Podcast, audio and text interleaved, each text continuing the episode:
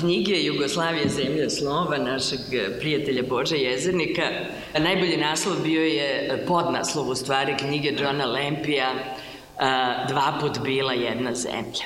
I e, danas ćemo govoriti o tome zašto je bila dva put i zašto se dva puta rušila, ali moramo da počnemo od toga kako se u ovoj zemlji i u ovim bliskim zemljama obeležava ova godišnjica, jer bih htela da vam kažem, ne znam da li to znate, da su Češka i Slovačka imale zajedničku proslavu ove godine i da su zajedno slavili oslobođenje od Austro-Ugarske i formiranje Čekoslovačke.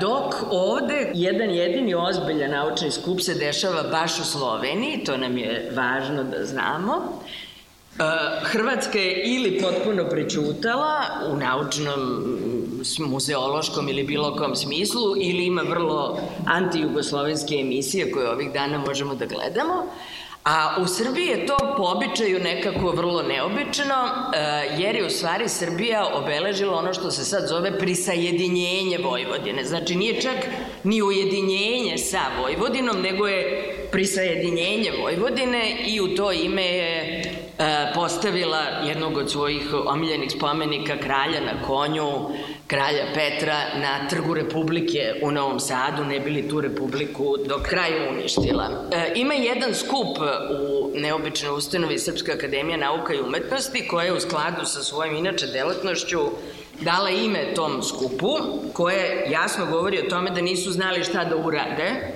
pa se taj skup zove ovako, ne mogu da zapamtim, kraj rata, Srbi i stvaranje Jugoslavije. Mi smo ovde došli da porazgovaramo o tome šta sve nas žulja i zašto ovako izgleda to obeležavanje e, ove stote godišnjice i zašto se svi ponašaju kao da su izašli iz nekog lošeg braka pa za propast krive brak, a ne razmišljaju o svojoj odgovornosti ili razmišljaju o tome kako su se oni sami ponašali.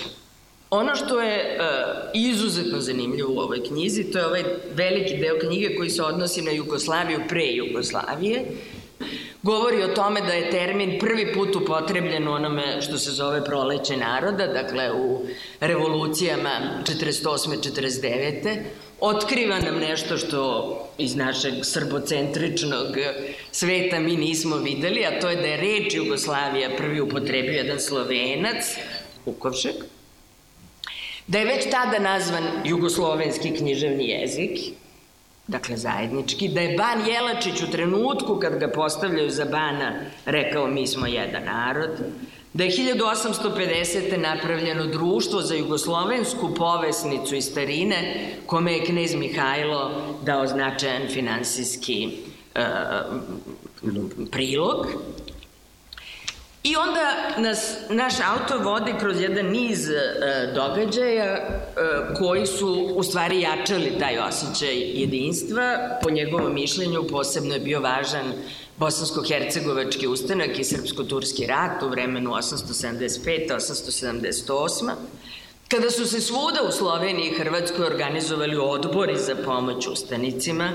a Ivan Cankar je tom uh, prilikom, govoreći o Balkanskom ratu, o tome zašto je on bio toliko značajan za Slovence, rekao da je uh, Slabić, dakle Slovenac, video da je njegov brat snažan i počeo, zahvaljujući tome, da veruje u sebe. I prati se ta, to jačanje te jugoslovenske ideje do prvog udarca. Prvi udarac bi po jezerniku bio prvi svetski rat, kada su se budući jugoslovenski narodi našli sa dve strane fronta, prvi put direktno sukobljeni, prvi put direktno e, u ratu i zahvaljujući naravno austrukarskoj propagandi koja je jačala to neprijateljstvo upravo da, da ne bi došlo do nekih e, ideja o zajedništvu. Prelazimo na jedan period, odnosno na period od kad Jugoslavija stvorena, koji onda e, e, pokazuje te deep jugoslovenske probleme, počeši od ove himne koja je ovako slepljena, kao što ste čuli, od ove tri, počevši od praznika, počevši od spomenika, svega onoga što jezernik analizira u ovoj knjizi, Jugoslavija u tome nije uspela. Već mi u ovom e, sećanju koje, se, koje Jugoslavija proizvodila vidimo u stvari taj e, srpski monopol i to e, nametanje jednog razumevanja ovih događaja. Počevši od toga da su se spomenici žrtvama Prvog svetskog rata dizali samo spomenici srpskim žrtvama. Dakle, to su bile jedine dozvoljene žrtve i to su bili spomenici koje je država plaćala. Drugi narodi koji su bili s druge strane fronta nisu imali pravo na spomenike svojim mrtvima i e, to je vrlo brzo izazvalo revolt, tako da su porodice prikupljale novac da bi na neki način obeležile smrt svojih bližnjih. Problem je naravno bio i u praznicima, jer je pored praznika ujedinjenja 1. E, decembra e, kao centralni narodni praznik bio proglašen Vidovdan.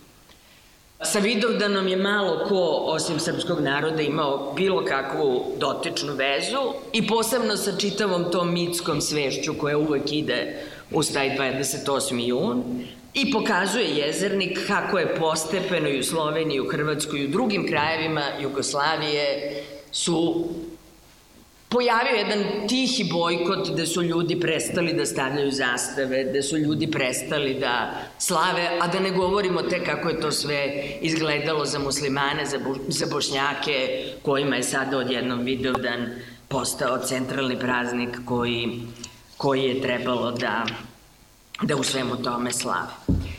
U daljoj analizi e, se vidi u stvari jezernikova pozicija, on, e, ako smijem da kažem, ima dva heroja, posjećaš da me ispraviš da li sam u pravu.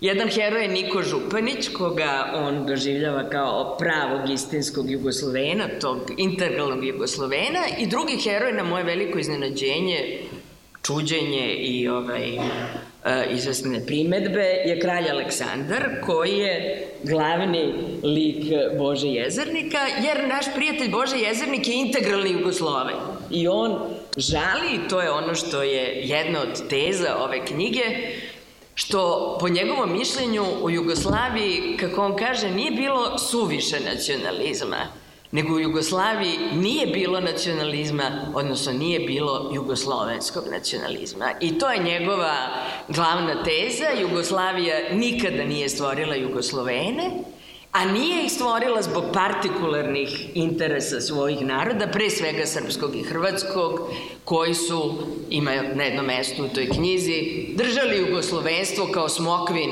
list koji je trebalo da sakrije njihove lične interese da pokore narode, narode oko sebe tu postoje brojne e, situacije koje nam govore da sa tom političkom kulturom s kojom je Srbija ušla u Jugoslaviju, bojim se da mi ništa bolje nismo mogli da da očekujemo, jer se radilo o jednoj monolitnoj političkoj kulturi u kojoj se taj drugi ne vidi, ne poštuje se, ne razmišlja se kako će se on osjećati u toj situaciji kad nametneš Vidovdan svima.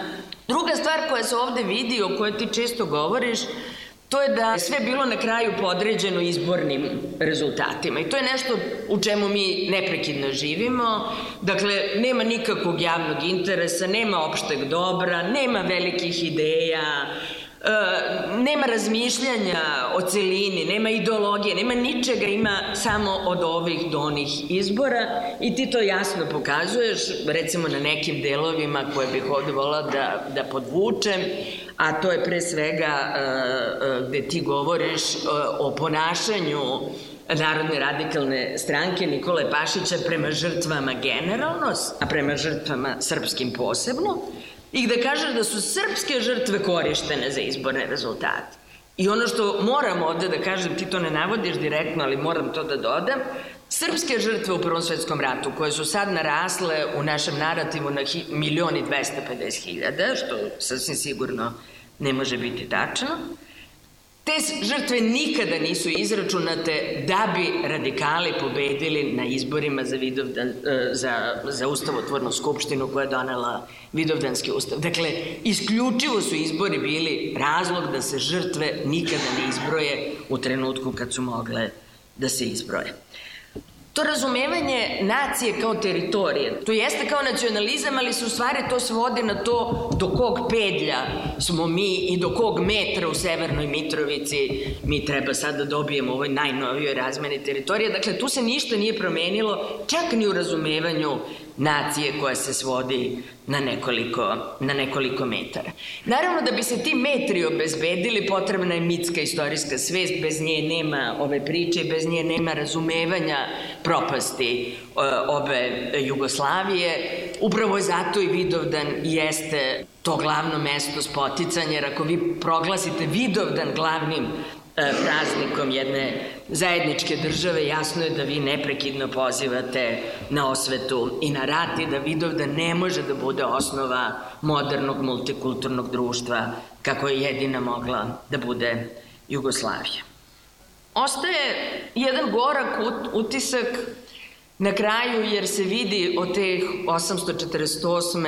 850. vidi se koliko su svi gledali u Srbiju, ti kažeš kao zvezdu vodelju, koliko je ona bez obzira na sve ozbiljne svoje probleme zračila, koliko su nju idealizovali i kad razmislimo uh, gde smo danas, uh, to ne može da ne ostavi uh, gorak utisak. Nešto što bi takođe ovde izvuklo, to je izvestan fatalistički pogled na Jugoslaviju koji mi neprekidno imamo. Ranije smo imali fatalistički pogled da je ona neminovna. Od Dnjepra i Dnjestra Srbi i Hrvate su sanjali samoupravnu i nesvrstanu Jugoslaviju, krenuli su odatle, tražili to idealno mesto pod suncem da bi tu zemlju napravili i sve što smo učili, cela istorija koju smo učili bila je orijentisana ka tom ostvarenju tog velikog cilja stvaranja Jugoslavije. Kad smo srušili tu Jugoslaviju, onda smo rekli opet nešto fatalistično, da je ona nemoguća i da, ona, da nju nikad, nikad nije želeo, da ona nije moguća i da evo ta dva raspada pokazuju da, da nije da ona nije moguća. E, međutim, u tim rečenicama Jugoslavija je morala nastati ili Jugoslavija je morala nestati, a te dve rečenice su potpuno suprotne, ono što je zajedničko to je to morala. I mi uvek imamo taj deterministički odnos prema istoriji da se nešto moralo ili se nikako nije moralo desiti, a na tom fatalizmu ne možete graditi jednu tako složenu, tako suptilnu državu kakva je e, Jugoslavija trebalo da, da postane. Jugoslavija je na kraju, da kažem, bila, kako kaže Boža Jezernik, zemlja snova, jer su je sanjale generacije, ali su njeni, njihovi savremenici, savremenici obe Jugoslavije, pokazali da su nedorasli toj državi, da su mali, nikakvi, da su pravi, provincijalni, zatvoreni, ljuti, besni i da su je u takvoj krvi rušili dva puta. I čini mi se da ćemo takvim malim besnim, gorkim, provincijalnim životima živeti sve dok nam se Jugoslavija ne vrati, makar u snove. I samo da otkrijem još nešto, Bože je želao da se ova knjiga zove Jugoslavija moja dežela, što je još bolji naslov.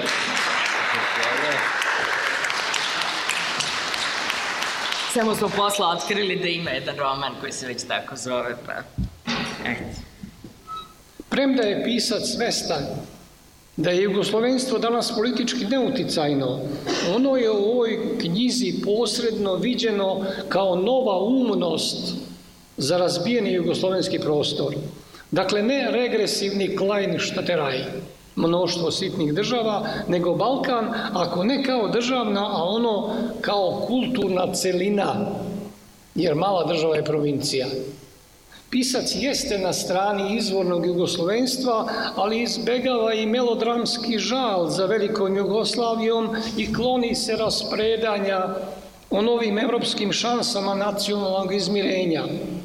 Ne bavi se ni prognozama da će tobože nove generacije zaboraviti mržnju i da će retorika saradnje pobediti jer je moralnija od govora mržnje. Jezernik ne opominje da će nas tržište spontano zbližiti, pa ćemo zaboraviti prošlost. Za njega prva Jugoslavija nije nasilna ni veštačka tvorevina, a ni njen prvi vladar Karadžorđević nije prikazan kao neomiljeni poglavar neprirodne države. Pri tome ne delim jezernikovu procenu da je Aleksandrovo jugoslovenstvo modernije od Titovog. Zato pisac i ne deli retrospektivnu iluziju fatalizma koja u domaćoj misli o društvu prevladava tvrdeći da se desilo ono što se moralo desiti. De desiti. Nije moralo, kaže jezernik. Danas su svi sve znali kad će se Jugoslavija raspasti. Konvertiti ne priznaju iznenađenje u svojim prognozama, jer bi time doveli u sumnju vlastiti dosledni pristanak uz novo. Knjiga ne, pri, ne pripada ni nešto blažim verzijama revizionizma koji tvrde da je Slovencima samo u nekim kritičnim trenucima bila neophodna Jugoslavija zbog ranjivosti od Italije i Austrije a Hrvatima je bila potrebna tobože samo zato što nisu sami mogli obraniti toliko mora. Ne slaže se ni sa Srbima, koji su tvrdili da je nova multietnička država bečka politika, jer je u imenu Jugosloven sipana jugoslovenska voda u jako srpsko vino. I da je zato izlaz jedna nacija, jedna država. Nije tako stoji u ovoj knjizi. Iako su i u njoj pokazane krize jugoslovenstva, kolebanja i nesporazumi trojimenog naroda nakon rata kao nesretan brak, ali sve sa poukom da se iz grešaka možemo učiti toleranciji. U knjizi Suma Sumarum nema triumfa nad teškoćama i nad krahom jugoslovenstva. Zbog rečenog knjiga se ne uklapa u razne regionalne slepe patriotske kulture sećanja, ali ni u hegemonu retoriku Evropske unije, u kojoj takođe nema mesta jugoslovenstvu, nego doziranom nacionalizmu pravima manjina. Globalno gledano, danas su jugoslovenstva izgubljena između nacionalizma i prava manjina. Globalizacija ne traži nikakvo jugoslovenstvo, nego nekonfliktno sapostojanje nacionalizma i prava manjina podržava nacionalizme samo dotle dok ovi ne remete neoliberalno širenje tržišta. Dalje, Jezernikov govor o jugoslovenstvu je antiteza identitetskoj politici. Ta obsesija identitetima guši solidarnost, jer ti borbeni identiteti i grupni i lični dele, razdvajaju, ne bore se za opšte Identitetska politika u ovom regionu je odavno počela da nameće refeudalizaciju i retribalizaciju društva. Onome ko nema budućnost treba više porekla. Neoliberalizam je oduzeo nadu u bolju budućnost i okrenuo se politici identiteta. Ta hipermoralizovana retorika o slavnoj nacionalnoj prošlosti je nerefleksivni monumentalni pristup ili samozaslepljivanje. U borbenoj verziji podstiče separatizam, konformizam i tolerancija. Međutim, identitetska politika je zanat od koga se može sasvim solidno živeti. Zašto pamćenje Jugoslavije slabi, iako ne želi da prođe? Pre svega otuda što je Jugoslovenstvo izgubilo grupu koju je integrisalo. Došlo je do razaranja sećanja na Jugoslaviju i do konstruisanja novih identiteta. Jugoslovenstva nisu zabranjena, izuzev u Hrvatskoj, nego su tiho potonula. Nema organizovane grupe koja bi se integrisala planski negovanim sećanjem na razne jugoslovenstva. Zatim nema jugoslovenske inteligencije, jer su socijalne radnike zamenili nacionalni radnici, koji se uprkos međunacionalnom građanskom ratu sećanja u regionu sasvim dobro slažu u antijugoslovenstvu. Zašto je jugoslovenstvo bilo politički neuspešno? Možda i zato što je nakon raspada SFRJ bilo lišeno simboličkog kapitala žrtve. Nije bilo zabranjeno u SFRJ, zbog jugoslovenstva se nije išlo u zatvor, nije moglo pretendovati na obeštećenje kao vaskrsli nacionalizmi, pa je njegova heroizacija izostala. Prosto je rečeno, Jugosloveni nisu bili žrtve titoizma, a lišeno simboličkog kapitala žrtve, Jugoslovenstvo nije moglo imati osvetnički borbeni duh.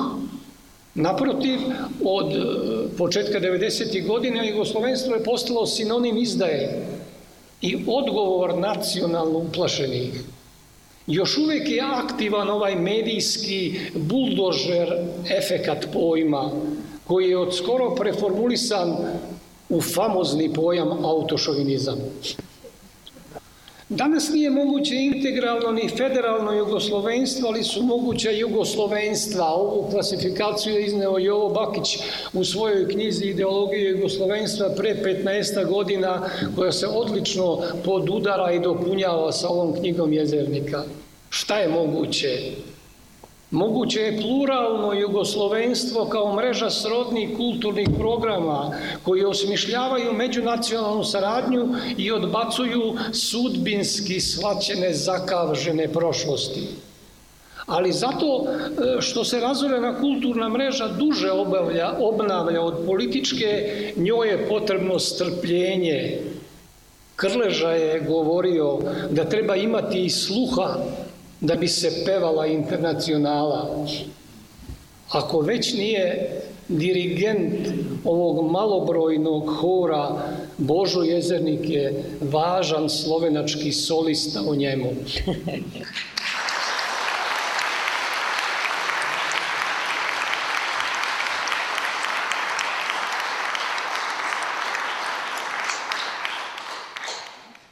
Ja neću sada da govorim e, o srpskoj strani, već e, o slovenačkoj. E, Slovenija, odnosno što su slovenačke zemlje, danas, danas Slovenija, bile su deo Austrijanskog carstva skoro sedam vekova. Austrijansko carstvo je bilo dosta dobro uređena država, dosta uspešna država, a u nekom trenutku, zbog razloga koje smo čuli, Slovenci su ustanovili da ne mogu više da žive zajedno sa Nemcima. Pa su razmišljali, sve ćemo da budemo samo Nemci, radije umremo e, nego da budemo Nemci, je napisao Josip Jurčić, jedan poznati slovenački pisac i urednik slovenačkog naroda, jednog poznatog lista I sad, kako da rešimo problem? Idemo u Jugoslaviju i sve će biti u redu. Šta treba da se napravi od te Jugoslavije da bi bilo barem toliko u redu, nisu nikako razmišljali. Ja mislim da je u svim delovima zemlje bilo slično. Šta se dogodilo tokom Prvog svetskog rata? E, možda je ta e, brojka milion e, 250 hiljada e, stvarno inflatorano. Ali ostaje činjenica da je posle Prvog svetskog rata Srbija razorena, da je bio ogroman broj žrtava, ogroman broj. A ko su stvorili takvu situaciju u Srbiji? E, naravno, Austro-Ugrska, ko su bili vojnici Austro-Ugrskoj? Su bili Hrvati, Bošnjaci, ni Srba nije falilo, a i Slovenaca opet nije falilo. Pa sad e, oni pucaju jedni na druge, ubijaju se, mrze se, kraj rata, svi su zajedno, svi su braća. Umesto da stave na sto ta pitanja, teška pitanja i da pokušaju da nekako to rasprave, šta će, kako će sa tim, kako da se pomire, da žive zajedno. Oni misle samo ćemo to staviti ispod stola, ispod tepiha i sve će biti u redu. Nije bilo u redu, došao je drugi rat i ponovila se priča. Posle drugog rata opet stavljaju ispod tepiha. Čuli smo, nema e, organizovanog jugoslovenstva. Ali očigledno je jugoslovenstvo još uvek tu, još uvek je živo, jer Jugoslavija nije živo biće, pa je nije moguće ubiti. Iako su to pravili dva puta. Znači, ona još uvek živi. Neće da prođe. neće da prođe. Ona još uvek živi u umovima i srcima nekih ljudi.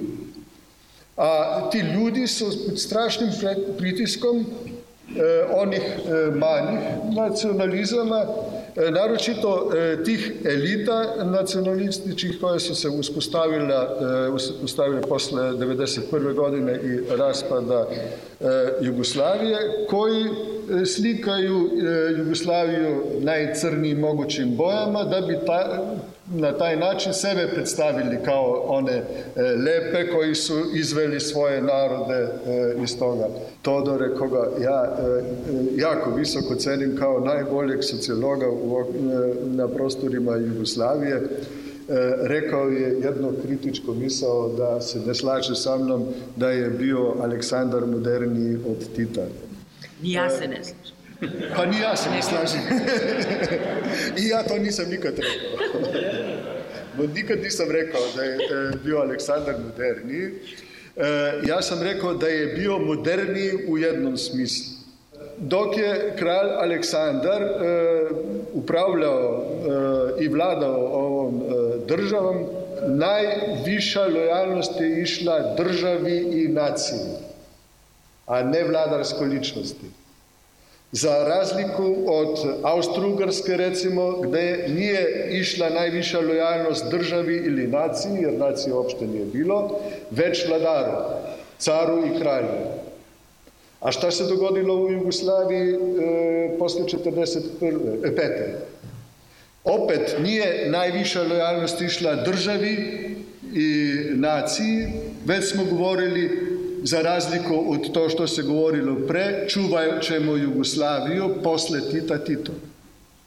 I želeo sam to e, da problematiziram na primjeru spomenika kralju Aleksandru koji je postavljen u Ljubljani 1940. godine, a stao je na svom mjestu samo 10 meseci. Iako je bio rat to najboljeg slovenačkog vajara sredine 20. veka, a on je bio ponosan na taj svoj kip kao svoje najviše umetničko dostignuće. Ja sam pre nekih deset godina predložio da se u Ljubljani napravi slično kao u Krakovu. Tamo je bio konenički spomenik Tadeša Kuščuškog koji su Hitlerovci srušili 1940. E, godine. A sada ponovo stoji ispod Vavela sa napisom srušili Hitlerovci, a ponovo postavio grad Dresden. Ljubljana je pobratena sa italijanskim gradom Parma, pa sam predložio da sad grad Parma, da bi spasio Italijane od tog e, vandalizma, da ponovo postavi taj spomenik, pa da tu piše e, fašisti srušili, e, bratski grad Parma ponovo postavio. Ali e, niko u Sloveniji ne može čak to je meni jako paradoksalno, ni da si zamisli da stoji taj spomenik tamo. Zbog čega ne? Jer je kralj Aleksandar bio diktator i ne slovenac. To je objašnjenje. E, u Ljubljani stoji spomenik Napoleonu koji isto nije bio demokrata, isto nije bio slovenac, a, a niko e, nema problema sa tim spomenikom. Vidite. Kult Aleksandra Karadjorđevića kao Jugoslovena je bio uokviren vlašću po Božjoj milosti. On nije bio odgovoran nikome osim Bogu. Slažem se da ni Tito nije bio manje autoritaran. Ja sam pisao o autoritarnoj modernizaciji socijalizma, što ne pretpostavlja samo e, analizu kulta, nego pretpostavlja e, društvene promene. To je vertikalna i horizontalna društvena pokretljivost. To su razni drugi segmenti koje se tiče promene društva, a koje monarhija koja se pravdala Božjom milošću nije uvodila najposle i tu se verovatno većina sa mnom neće složiti. To je razlika između socijalizma i kapitalizma. Upravo tu pokretljivost, pre svega vertikalnu, je najviše zagovarao socijalizam, toga nije bilo u kapitalizmu. Dakle, u tom pogledu, ako računamo Titu kao starešinu tih procesa modernizacije, on je po meni sa sociološkog stanovišta iznad Aleksandra. Slažem se da je njegovo jugoslovenstvo kao unitarizam bilo kritikovano, da Aleksandar to nije čin, sve, sve ja to prihvatam. Ali mislim da je u sociološkom pogledu moderniji bio, iako je možda bio autoritarniji. Evo, samo da dodam jedan najbizarniji, najnoviji primer, ne znam da li ste primetili, da uh, je pre dva dana doneta odluka da se u Beogradu podigne spomenik Aleksandru Karadžorđeviću, pa biste vi mogli da nam date taj vaš spomenik, jer, ne, može jer bi bar da sigurno bio lepši od ovih koji se podižu u Beogradu. To je sigurno. Ali, ali moram sad još sve, samo dve stvari da dodam. Znači, u zvaničnoj odluci piše da se diže spomenik kralju Aleksandru e, Prvom Karadžorđeviću jer je ujedinio Srbe. To je obrazloženje zvanično, nije Jugoslaviju ujedinio, nego je Srbe ujedinio, to je pod jedan, a pod dva, diže se između ona dva pretužna krila dvora u sredini. Zašto kažem pretužna krila? Zato što ako pogledate zgradu predsedništva i zgradu Skupštine Beograda, onda se koncentrišite i shvatit ćete da fali centralna zgrada dvora. Jel tako? Centralna zgrada dvora fali, jer su tu ubijeni Aleksandar Obrenović i Draga, iseckani bačeni kroz prozor, a centralna zgrada dvora u ime osvete prema Obrenovićima srušena 904. E, na tom mestu će da dignu spomenik Aleksandru, koji će onda valjda sa ovim ruskim carom, koji je najgori car u istoriji svih careva, da se gleda ovako preko ulice, pa valjda sigurno će biti na konju, kako, kako drugčije, i oni će dvojica na konjima kako se gledaju, pa potpuno fantastično. E, još samo, još samo ja da dodam jedan kukuruzni primer ovaj, iz mog zavičaja. Evo, ovih dana smo imali taj, taj uh, spektakl ili spektakluk, pre bih rekao, oko, oko uh, spomenika kralju Petru uh, u Novom Sadu. Na konju. Na konju, razume se. Uh, dakle, sve je bizarno u vezi s tim, počeši od toga da se to dešava na mesto koje zove Trg Republike. Čoveku koji nikada u životu nije kročio u Novi Sad, podiže se spomenik i Novosadski dnevnik objavljuje naslov, kaže Kralj Petar se vraća kući.